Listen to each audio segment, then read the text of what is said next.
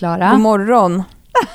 det, båda sitter och väntar ut och sen så blir det alltid samtidigt när man sitter så här åt olika håll. God morgon säger du. Ja, men god morgon för att jag har typ någon slags jetlag för att klockan är nu 17.49 och eh, i morse så vaknade jag 1.40. Ja, för du skulle egentligen åkt hem dagen innan den här inspelningen Ja. Eh, spelas in, för du har varit i Göteborg. Men eh, det var massor med strul med tåg, så du bokade om din biljett till så supertidigt morgontåg. Och då kunde du, då när man ska iväg så tidigt så är det så lätt att man inte kan sova heller. Så du vaknade och hade lite så här ångest över att du skulle missa att gå upp. ja, men det var också så att kvällen innan, så, alltså, så vilket är igår, men det känns ju som att det är två dagar sedan nu, för den här dagen har varit så ofantligt lång. Men då, eh, det var, det var tåg som hade spårat ur i Göteborg med explosiv last. Så att det var ett stort område som spärrades av och det var så här viktigt meddelande till allmänheten och det var beredskap på sjukhusen och det var pådrag. Så jag fick så sms hela tiden från SJ att så här, nu är det så här med ditt tåg, nu är det så här med ditt tåg. Ditt tåg kommer gå, fick jag först så här, men det kommer ta två timmar längre. Och sen fick jag så här, ditt tåg kommer inte gå. Och sen fick jag så här, ditt tåg kommer gå, men din plats är försvunnen så du kommer behöva stå upp. Typ. Jag bara, åh herregud. Och höll på så här. Och då hade ju vi, alltså jag hade egentligen då planerat att åka hem, men då gick vi typ en liten barrunda på stan, Markus och jag. Eh, vi var på tre olika ställen tror jag. Och då blev ju jag lite berusad Mhm. och trött liksom. Så kom vi hem jättetidigt. Så somnade jag klockan åtta på kvällen. Eh, och, och sen, så sen när jag vaknade där 1.40 då hade jag ju ändå sovit fem och en halv timme. Ja. Eh, och då, så då var jag både så här lite hjärtklappning för att jag hade druckit lite vin och ty- som du sa, var så nervös för att jag skulle missa tåget. För min dotter fyller år idag och jag skulle hålla i en workshop idag. ja. Eh, så det var så här mycket på en gång och så, så låg jag där och bara somna om.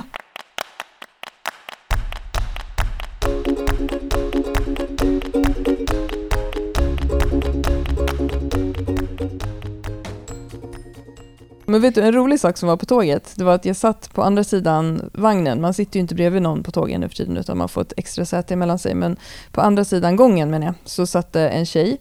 Och hon var en så här proffspendlare. Eh, pendlare Mhm. såg. Alltså jag bara, hela hennes liksom aura var så här proffspendlare. Så hon, det kändes som att hon är en sån person som åker det här morgontåget flera gånger i veckan. Så hon klev på tåget med mig. Sen tog hon ut ur sin väska en liten specialkudde som hon la på bordet, du vet, som, bordet som man fäller ner från Ja. sätet framför sig. Och sen så bara lutade hon sig framåt så att hon liksom låg med hela huvudet på bordet och så bara sov hon i två timmar. Det låter ju genialiskt. Ja, Genialiskt. s- sen så vaknade hon eh, och så tog hon ut, en, hade hon så här en liten typ smoothie-grej eller någonting som hon drack så här, ja, bup, bup, bup, det var hennes frukost. Sen typ slog hon upp datorn och typ så här satt och jobbade lite kändes som. Sen tog hon upp så här, boom, typ så här Mary Poppins necessär, storlek på väska och började sminka sig och så här typ eh, fixa hela ansiktet, allt så här foundation, concealer, eyeliner, alltså hela kittet. Sen flätade hon sitt hår. Och sen så eh, typ var tåget framme, så bara klev hon av och gick av. Ja, hon hon, det där låter ju verkligen som ett proffs. Ja, jag vet. Jag Du bara shit. vad körde du? Du bara satt och körde så här, hängde med huvudet mot väggen och vaknade och hade ett regel i mungipan var, Ja. tre, var tredje, Ja, gud. eller 30 minut typ. Det var ju inget smink för min del kan jag säga, men jag duschade på morgonen för att jag ändå skulle så här, Ja. vara lite fräsch. Så jag hade så här blött hår, en stor hoodie och så, så såg jag hennes knep så jag tog min stora väska, jag hade två väskor med mig för jag hade varit borta några dagar och satte den i mitt knä och så lutade jag armbågen på väskan och satt och hängde så här med hakan på handen på den här väskan och satt och så nickade till hela tiden. Men alltså hon var ju ett fullblodsproffs. ja, det låter, det låter så. Men tänk att leva så där, att ta så här 5.55-tåget på morgnarna.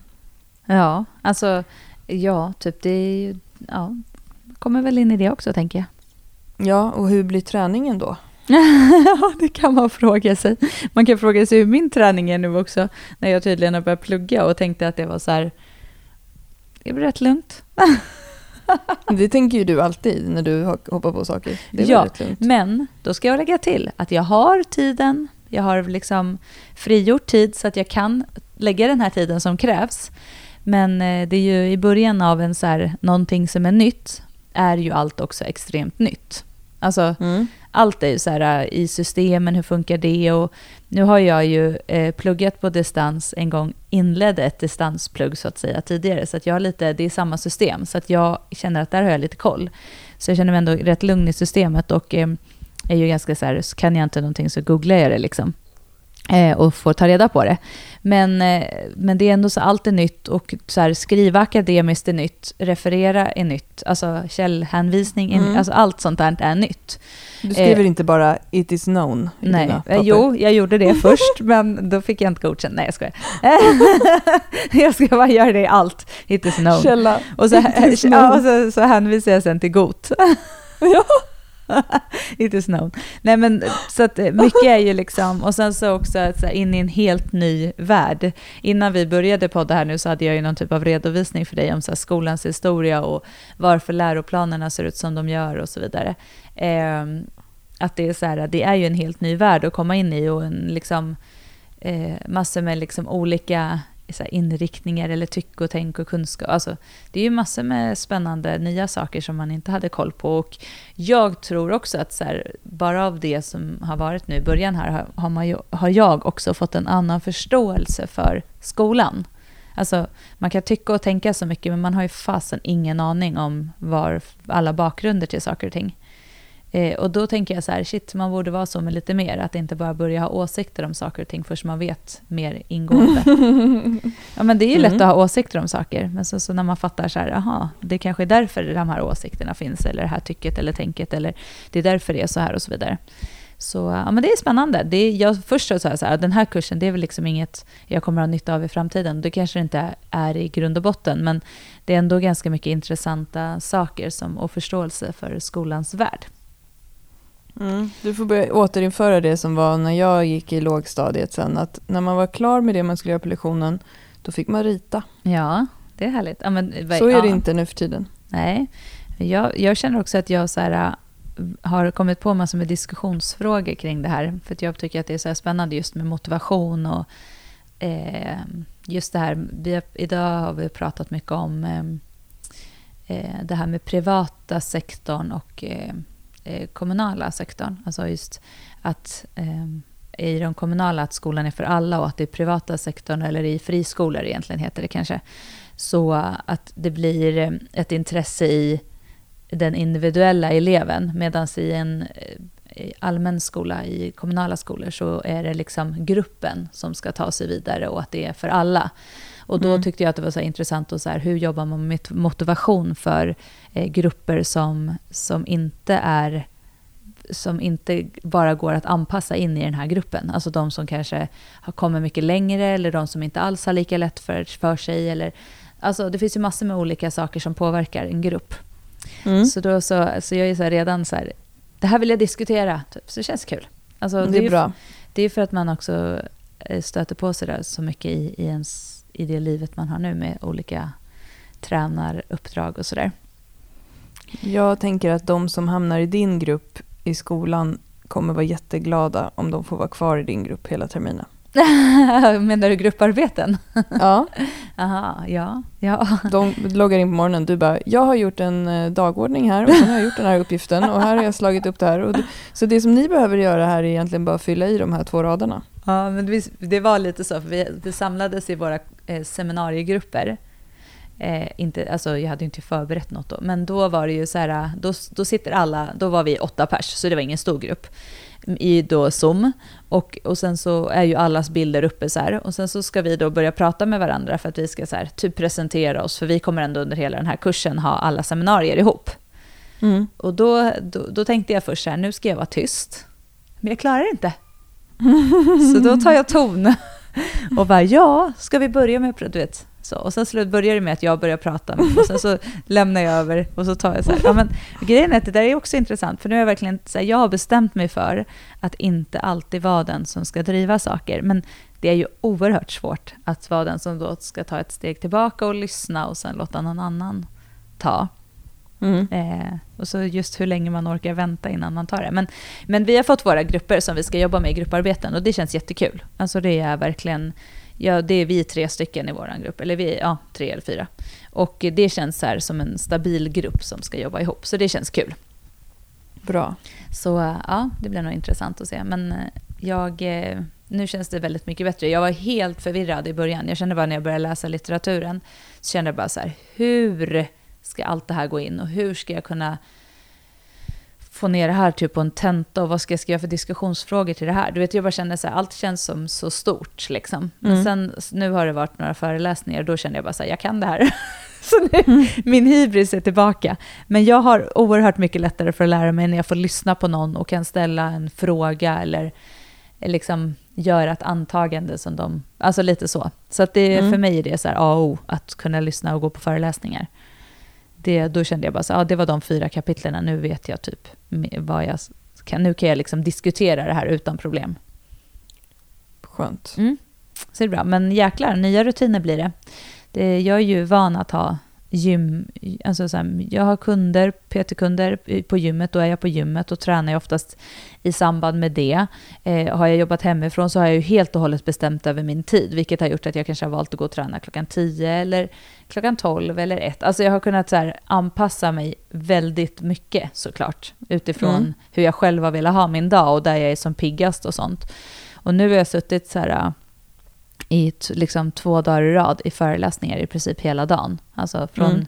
med såklart med lunch och pauser, men ändå så här 9 till 12, 13 till 16. Eh, och det är stor skillnad för mig. Jag måste verkligen så skapa nya rutiner för hur, hur, hur jag liksom ska hantera den här situationen. Sen kommer ju inte jag ha så varje dag. Det är klart att det är lite mer nu i början när allt är nytt. Ja. Men eh, det, det handlar verkligen om att för om inte jag skapar nya rutiner så blir det ju precis som för alla andra människor att man inte riktigt tar sig för det man har tänkt. Mm. Alltså, så träningen blir så här, i början de första dagarna så var jag så här, jag kan inte träna, jag är helt slut i huvudet och jag vill bara sätta mig i soffan typ. Ja, men det är Men ju som att vara ny på jobbet. Då är det ju också sådär. Ja, men samtidigt sen jag, jag häromdagen så valde jag ändå att gå till gymmet för jag kände bara så här, nej, jag vill, jag, då bestämde jag bara så här, jag tar på mig mina kläder och bara går dit. Jag har inga Mm. förväntningar på passet. Jag går bara dit. Jag börjar att följa programmet. Jag gör mina böj som, jag, som, som är enligt programmet. Och sen får det bli som det blir. Så tänkte jag Mm. verkligen. Och då bara var jag asstark. Och gjorde mina Ja. toppset och bara, det här är ett skämt.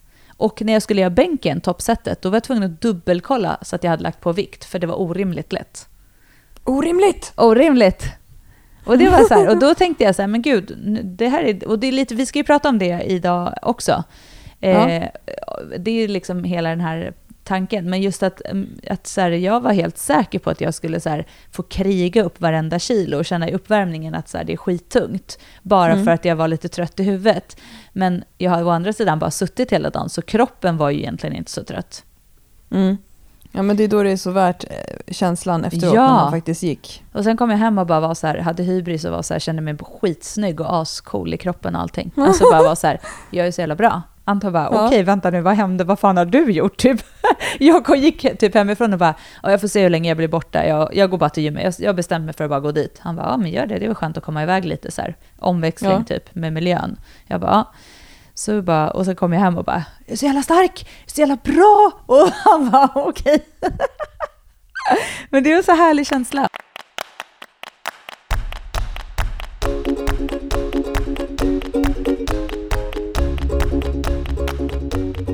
Nej, så är det inte alltid och det är det vi ska prata om idag. Ehm, och anledningen till varför vi ska prata om det är eh, för ett sånt där grymt pass som jag hade i eh, måndags på gymmet. Jag var och tränade ett av de här passen i eh, eh, stora ben som vi kallar våra träningsblock just nu i Mm. Team Styrkebyrån. Som vi snackade om förra avsnittet också och mycket maskinträning och mycket hypertrofi för benen och sådär.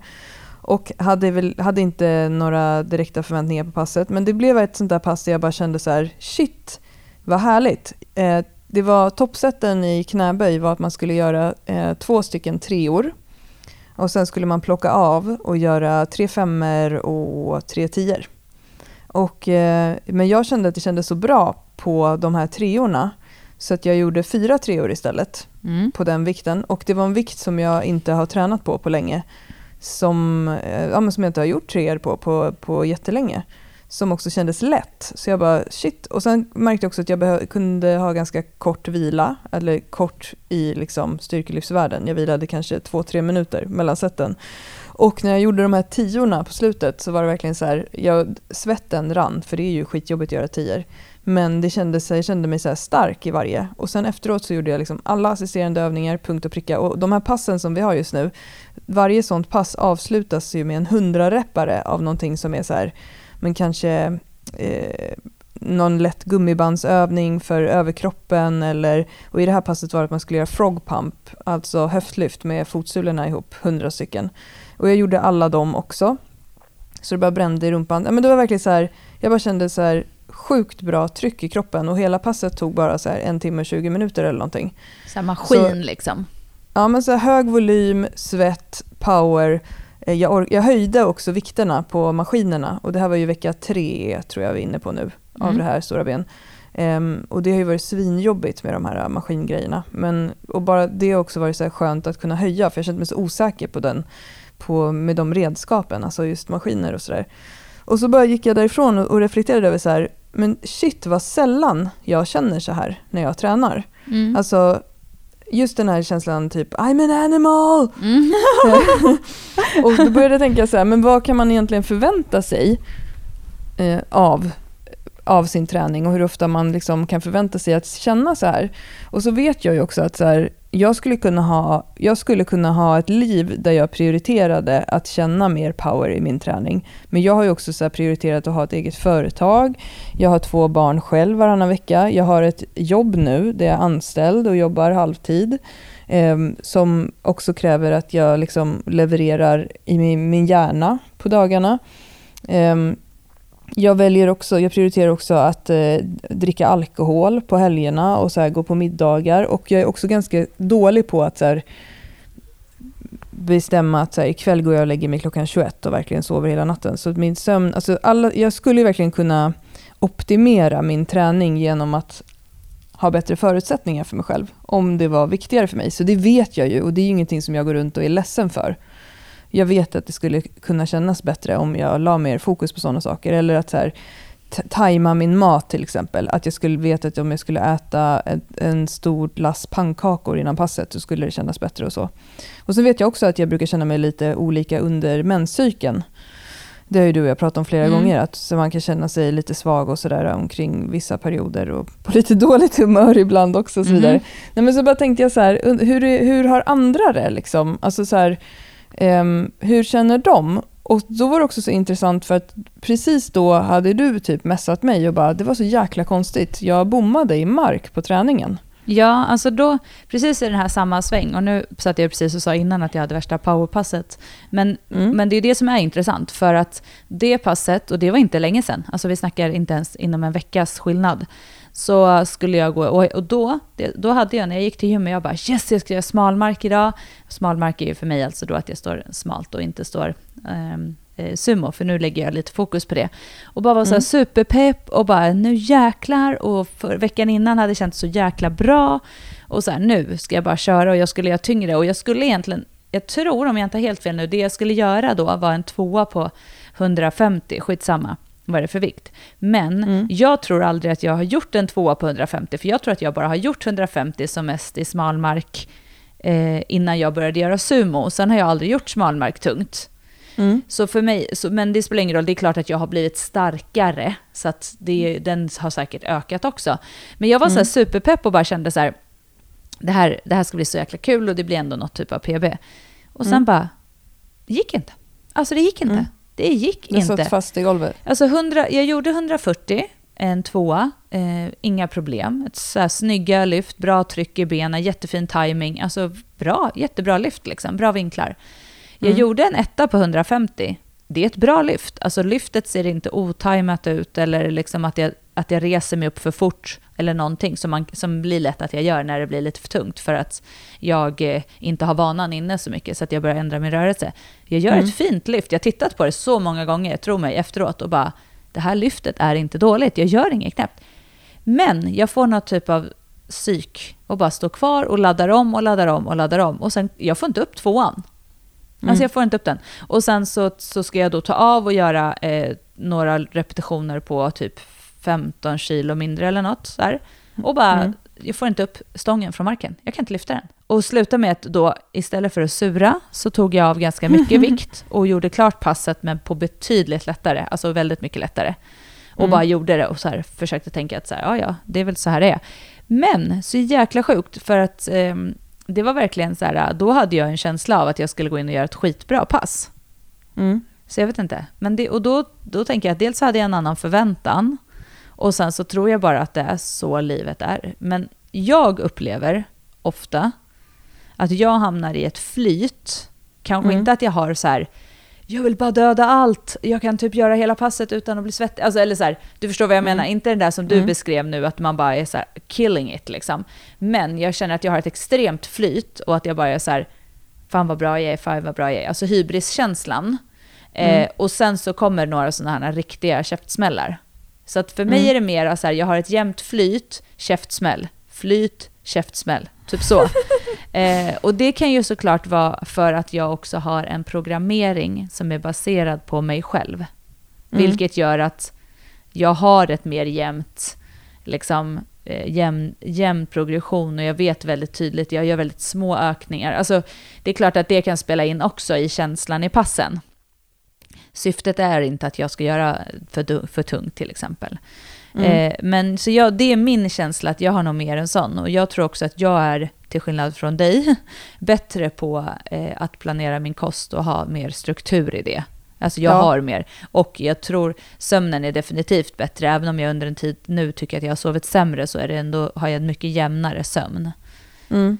Eh, så absolut. Men just att jag upplever nog mer så här jämnt eh, smäll, jämnt smäll och så vidare. Mm. Mhm. Men då känner du, när du känner din jämna smäll, då känner du ofta att du kan identifiera varför det känns som det känns? Ja, det kan jag. Och ofta skulle jag säga så finns det bakomliggande faktorer. Alltså det vill säga jag kanske har haft några sämre dygn med sömn eller kost. Att jag kan, det vill säga att jag gör ett pass på en måndag och då kan på helgen så har jag kanske haft att vi har att jag har ätit sämre och då menar jag med sämre så menar jag att jag inte till exempel, jag kan visa, vi kan ha grillat korv till lunch och då Mm. menar jag att jag inte till exempel har ätit en kolhydratkälla, utan, eller då kanske det bara äter så här, eh, typ tunnbröd med korv och så lite så in. Alltså förstår du vad jag menar? Att I vanliga Mm. fall äter jag ju så här ris eller potatis eller pasta, alltså mer ordentligt. Och på helgen Mm. har jag kanske inte gjort det. Och det tycker jag, så, det kan oftast vara en identifiering, att jag har haft sämre intag helt enkelt. Jag har inte fått i mig lika mycket energi. Alltså för Mm. lite energi helt enkelt. Eh, och sen så faktiskt så kan jag uppleva runt mens så har jag oftast en, någon, något pass som är riktigt risigt. Och det skulle jag då säga är runt en gång per månad.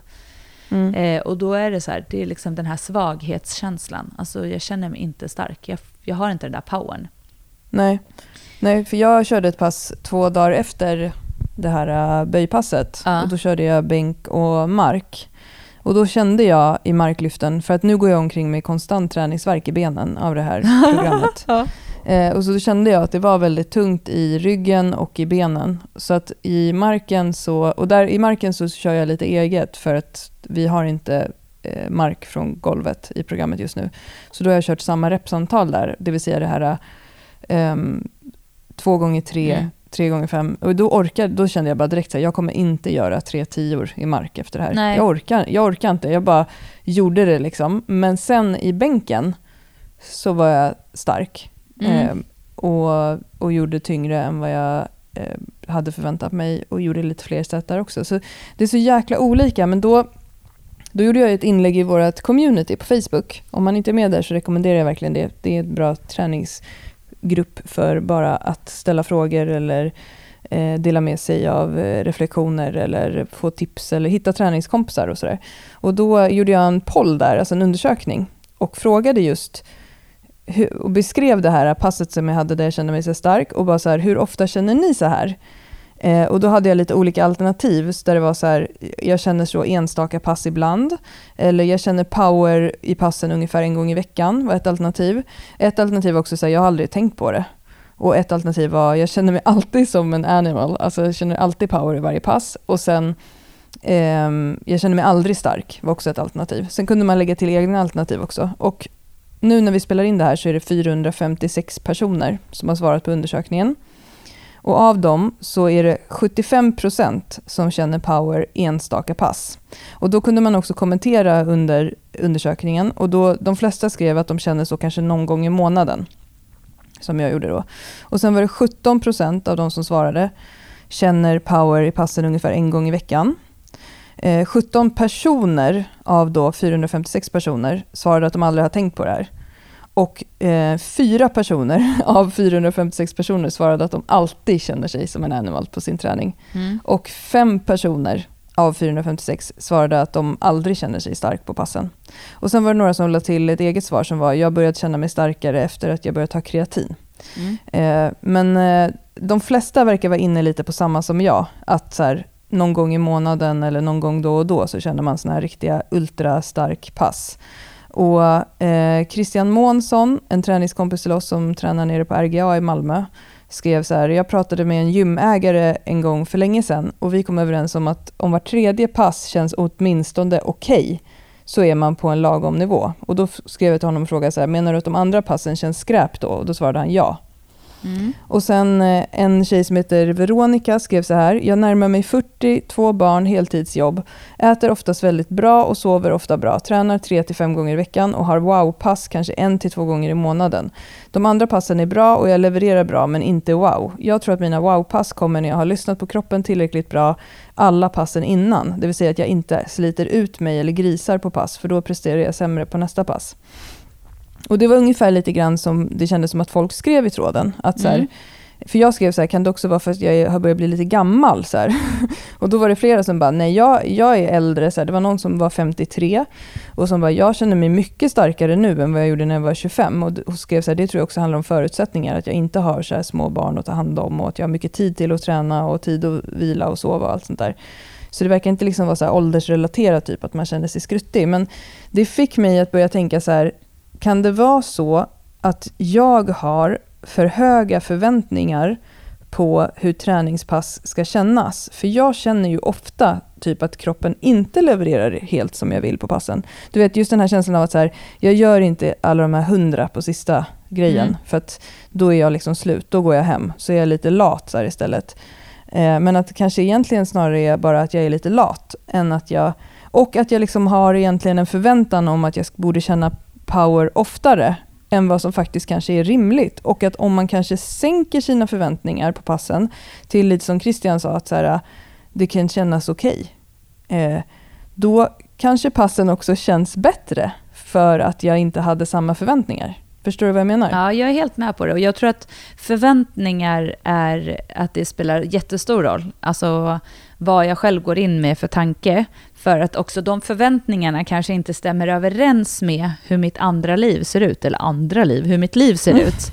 Alltså Mm. det vill säga som inte är, är träningen utan allt annat. Att man har en förväntan på att, att jag är på en viss nivå eller att jag, jag, jag har, jag, jag- man, man kanske tänker i sin tanke att så här, jo men jag har ju ätit bra och jag har inte stressat eller jag har sovit bra och sen så är det kanske egentligen inte så det är. Eh, och det är lite så här, det vet jag också när vi har haft så här äh, helger och när vi har träffat folk och pratat just mycket om så här, vad man kan förvänta sig och sina egna förutsättningar och sånt. Att många när man börjar prata om det så inser man så här, jaha men vänta, det här kan ju faktiskt ligga till grund för varför min träning har sett ut så här den senaste tiden. För Mm. att man har en annan bild av eh, den verkligheten än vad den faktiskt är.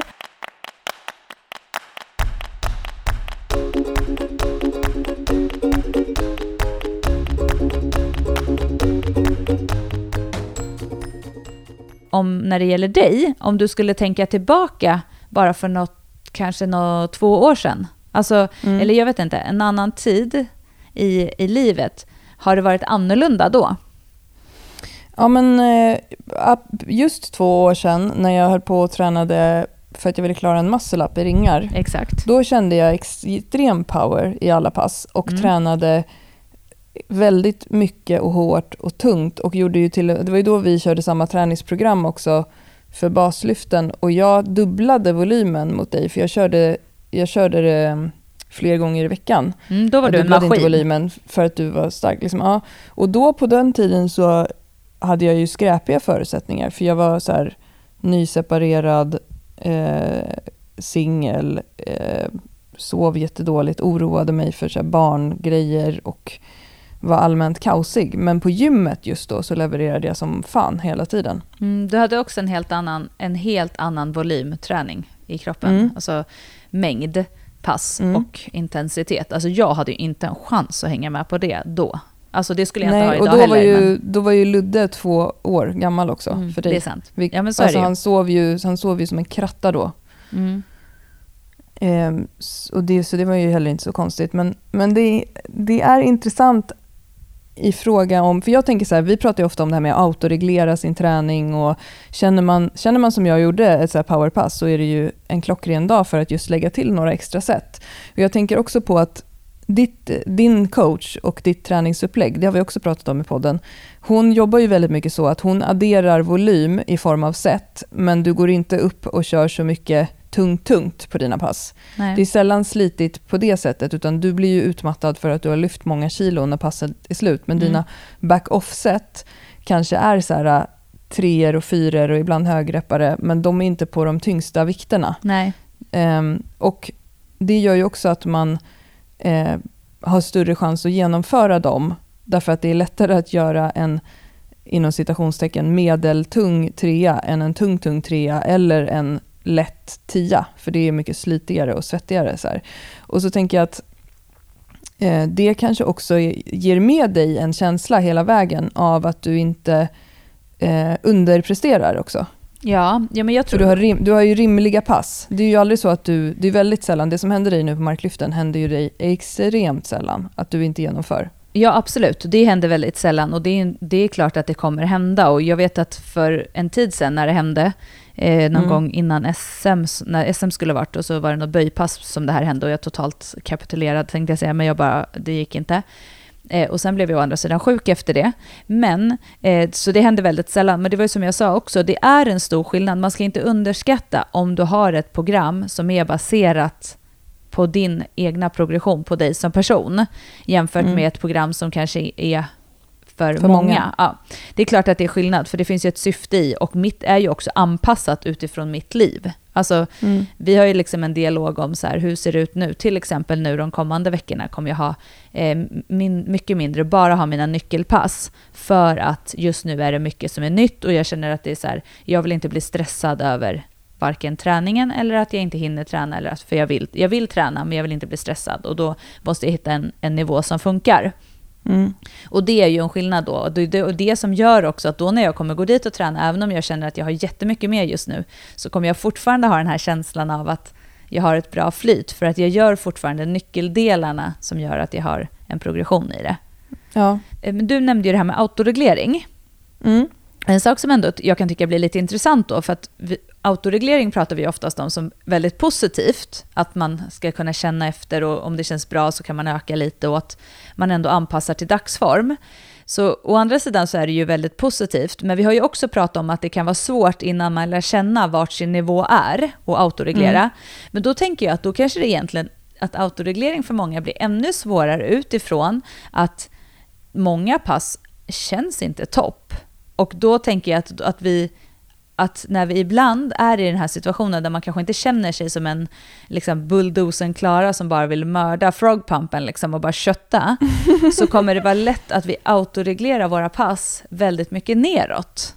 Mm. Alltså att, att det, om, ändå, om man utgår från det här som vi nu har pratat om och tittat på folks känsla som, utifrån deras egna liksom, erfarenhet, så för, kanske det gör ändå att jag kan tänka att autoreglering är rätt svårt. För att ibland kan jag känna att jag behöver ju verkligen ha någon som, som ändå bestämmer. För att annars skulle jag kanske inte ens gå till gymmet. För att jag har den här känslan av att jag känner mig helt död. Är du med på mina tankar? Ja, och så tänker jag också att så här, om det är så att man ofta autoreglerar neråt för Mm. att ens förväntningar är att man ska vara ett animal, då kommer man kanske också ofta gå ifrån passet med en känsla av att man har misslyckats. Ja, exakt. Snarare än att eh, sätta sig ner och titta på sin träning under en längre period och se, men jag kanske ligger lite för tungt mot vad jag klarar av och istället sänka alla eh, vikter och inmatade, om man använder sina appar, inmatade RM och sådana saker. Vi, vi säger ju det själva till våra kunder i Team Styrkebyrån.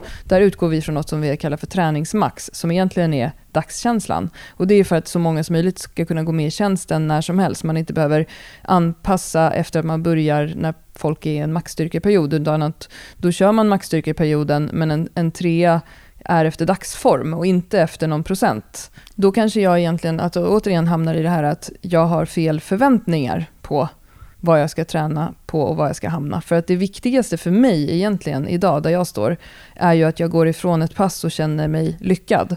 Och hade jag kört kanske, det kanske är så att om jag hade kört 75% av passen de senaste två månaderna på lägre vikter så hade jag kanske mer känt mig som ett animal. Liksom. Mm. Um, och då kanske det kan vara bra att sätta sig ner ibland och titta över sin träning på en längre period och eh, just reflektera över det här med känslan. Och om det har varit så att känslan har varit lite sämre på många pass, fundera över vad det är man behöver ändra då i sådana fall. Det, behöver, det, det ska ju fasen jag göra nu. Därför att det är väldigt lätt när man utvärderar sin träning att titta på, om man använder till exempel så appar och statistik och Excel använder många styrkelyftare och så här, att man bara hela tiden tittar på så här, vad lyfte jag den här veckan? Vad lyfte jag den här veckan? Vad lyfte jag den här veckan? Men så här, hur kändes det? Mm. Eh, den utvärderingen över tid eh, om jag liksom går till botten med mig själv, gör jag extremt sällan. Ja, det är jätteintressant tycker jag. Och jag tänker också att en annan intressant aspekt i när vi ställer den här frågan. Det är också så här, vad man kör för typ av pass. Alltså, har, är det att du kör en styrkeprogression eller kör du extremt mycket puls eller tränar du fem gånger i veckan? Alltså, för det är mm. också en sån sak som kommer spela in. Och det är det man kanske också ska ta hänsyn till då när man gör den här reflektionen som du precis sa nu, att så här, eh, okej, okay, om jag typ aldrig nästan känner mig stark, varför gör jag inte det? Precis. Är det rimligt att förvänta sig kanske att känna sig stark ibland om jag faktiskt styrketränar? Ja, kanske. Alltså att det, det finns så många saker som ändå man kan få fram av att fundera kring det här utan att man för den del måste eh, så här, fundera sönder sig efter varje pass. Hur kändes det och så här, utan men just bara en reflektion. Jag kände mig stark eller jag kände att jag hade ett flyt eller det kändes bra eller om det bara var kast, kast, kast. För jag mm, kan ju känna precis. så, skulle jag gå ifrån eh, två av tre pass och känna att så här, okej, okay, då skulle jag känna, fan, är det, här, det här är för tufft för mig. Alltså är du med på det? Mm. Min känsla är ju mycket mer att jag går ifrån passen och känner så här, fan vad bra jag är. Mm. Ja. Alltså, eh, sen, sen, men, men som sagt, det är inte samma sak som de här wow-passen som jag hade häromdagen när jag bara gick till gymmet och bara shit, jag vet inte ens om jag kommer genomföra det här. Och sen bara smällde vikterna upp och jag kände mig som, lite som ett animal. Liksom. Ja, och då hade du ju också väldigt låga förväntningar på passet. Ja, och det, det är det som är intressant. För då var verkligen min förväntning, jag ska gå till gymmet, jag går dit och sen får vi se hur länge jag blir där. Ja. Eh, och lite som våra tips är för många som är nya eller nybörjare eller som vill skapa nya rutiner, att ta dig till gymmet. Liksom. Det är lite steg ett. Se till att komma dit åtminstone. Mm. Skit i hur länge du är där och vad du gör. Men när man väl är där och börjar och har den förväntningen att så här, ah, ja, vi får se. Och sen bara känns det allting jättelätt. Ja. Det, ja, det är en intressant tanke. Det är en intressant tanke och jag ska verkligen sätta mig ner och fundera på just eh, om jag kanske ska lägga ribban lite annorlunda när jag, när jag tränar och sen utvärdera det. Att låta det vara en lite längre period och sen efteråt utvärdera om det, kän, om, om det är en annan känsla. Sen kan jag tänka mig att många motiveras kanske också av känslan av att så här, man bara bockar av siffrorna och man gör sina reps enligt den procenten det står för att man har ett så tydligt mål, typ jag ska tävla på serie 3 och jag vill, jag, för mig är det mest motiverande att bara ha gjort alla de här passen, inte hur de kändes. Men jag har mm. ju inget sånt mål och då är det väl mycket bättre att jag går och känner mig lite powerful istället efter passen. Bara framförallt just den känslan av att jag verkligen orkar leverera lite mer än vad det står på mitt schema kommer ju säkert ge mig en annan känsla och då kanske jag skulle svara själv på den här enkäten annorlunda efter ett tag. Men det var ju faktiskt väldigt många som inte känner några wow-pass särskilt ofta. Um, men det kanske inte heller är någonting som de går runt och eh, begrundar. Liksom. Alltså allting beror ju på just det här vad man har för förväntningar. Men och jag tänker också så här att det som man också så här, just i det här då, med de som kanske aldrig känner eller har tänkt på, att de känner väldigt sällan den här powern. Mm. Eh, det kan ju liksom, jag tänker också att det kan ju vara, alltså det är ju såklart att det kan vara massa anledningar, men det kan ju också vara att de har en annan typ av förväntning. Ja. Alltså att man, just så här förväntning och, och vad utbudet blir liksom. Ja, så slutsatsen i det här är ju att fundera över vad du vill känna när du tränar och om det är någonting som du vill förändra. Om du är nöjd med att känna power i passen en gång i månaden så är ju det svinbra. Alltså jag menar, det är kanske jag som har orimliga förväntningar på att jag blir förvånad att jag inte känner så, så ofta, som sagt. Men om du till exempel som några svarade, det var ju väldigt få, att de aldrig känner sig stark i passen när de tränar då kanske man också ska liksom sätta sig ner och titta över sin träningsplanering och fundera över hur man ska ändra på det. För att det är ju den härligaste känslan som finns. Alltså det är ju typ i paritet med sex tycker jag. Alltså så här, att gå ifrån gymmet och bara, fan vad härligt, min kropp är stark. Ja, men samtidigt också att så här, jag tycker det som man också kan ta med är att det är ju gemene person går inte runt och är power i varenda pass, som kanske också bilden är av många när man ser exempelvis sociala medier. Mm. Att kanske bara inse att så här, eh, livet är inte en enda stor power. Alltså, Livet är inte glass om- och ballonger varje dag. nej, men det kanske inte heller är power i varje pass. Alltså, det kanske inte alltid är så det ska vara och det kanske inte är det man ska förvänta sig heller. Mm. Att det är lite så här, Kött och det potatis. får vara, ja, det får vara lite kött och potatis. Det behöver inte vara guldkant alltid. Nej, precis. Nej, så frågan är, för min egen del ska jag nog sätta mig och fundera över vad jag, om jag ska sänka mina förväntningar eller om jag ska sänka mina vikter. Ja, eller, eller om du ska ändra dina förutsättningar. Ja, och, ja det är ju... Ja, men alltså det är ju ändå, alla saker blir ju, blir ju relevanta i en sån, Ja. om du ska ha en sån fundering kring dig själv, så kan du antingen välja att sänka förväntningarna, ja bra, och så fortsätter du och så helt plötsligt tycker du så här, fan jag är rätt bra, för du har sänkt dina förväntningar istället för att du har höga förväntningar och känner dig rätt kass de flesta passen. Mm. Eller så ändrar du dina förutsättningar och har kvar dina förväntningar. Ja. Alltså, det är ju så här, du kommer inte få allt. Du kan, Nej. inte, du kan inte både ha och äta kakan. Nej. Nej, det är en sån grej som jag kan ha som en sån fantasibild eh, ibland. Vissa fantiserar eh, liksom om att de ska dra 200 i mark. Jag kan fantisera Mm. ibland om hur jag skulle känna mig om jag liksom typ la mycket mer fokus på, precis som du säger, på sömn och kost. För det är ju sånt som jag, alltså jag skiter i det ganska mycket. Ehm, jag går inte runt och gnäller över det. Men som sagt, vi pratade om förra avsnittet, jag är ju lite så här snake diet och sen är jag helt plötsligt så här, men oj vad konstigt, jag, nu kändes det inte så bra. Nej, men det är för att jag har ätit en toast på åtta timmar. Liksom. Och det skulle vara intressant att veta, liksom, bor ett animal inne i mig om jag skulle anstränga mig? Samtidigt så är jag ju, har jag ju aldrig hittills varit tillräckligt motiverad för det. Nej. Så La, eh, vi tar med det i vidare tanke. Är, lever det ett animal i Klara eller inte? Kommer hon någonsin kunna känna mer power i passen? Nej då. Ja, men det, ja, jag tycker ändå så här, fansen, fundera lite över det. Det är intressant. Alltså, som sagt, jag tror ibland att vi förväntar oss väldigt mycket mer av oss själva generellt Ja. utifrån de förutsättningar vi har. Ja, och jag tror att om man vill liksom känna, eh, kanske känna lite så här pepp av att det faktiskt är ganska många som känner ungefär likadant, då kan man gå in och läsa den här tråden i vårt community. Om man söker på, så ser jag vad jag har skrivit för rubrik. Powerpass kan man söka på. Jag använder ordet powerpass i texten. Om man söker på det inlägget i vår Facebookgrupp så kommer det upp. Och då kan man läsa alla kommentarer, för det är faktiskt i skrivande stund eh, typ 35, nej 48 kommentarer där alla diskuterar det här. Och det, bara det kan ju också vara lite härligt ibland att se att så här, ah, jag är inte ensam. Det verkar, jag verkar känna ungefär som alla andra. Och det kan ju också vara väldigt härligt. Nu tycker jag vi tar och kör ett riktigt köttigt pass. Nej, det ska jag inte göra. Idag ska jag ta en promenad. Ja, det låter sunt Johanna. Nästa Mm. gång vi tränar tillsammans på Friskis, Ja. då ska jag ha sovit nio timmar och ätit ett lass pannkakor innan passet, så ska vi se vad som Mm. händer. Det är härligt och då kommer du ha ashöga förväntningar på det passet och sen så kommer du bli lack för att du har skithöga förväntningar. Nej då. Skämt åsido, du har det så bra nu. Vi hörs igen om en vecka. Snart. Kram på dig. Ha det bra. Hej då.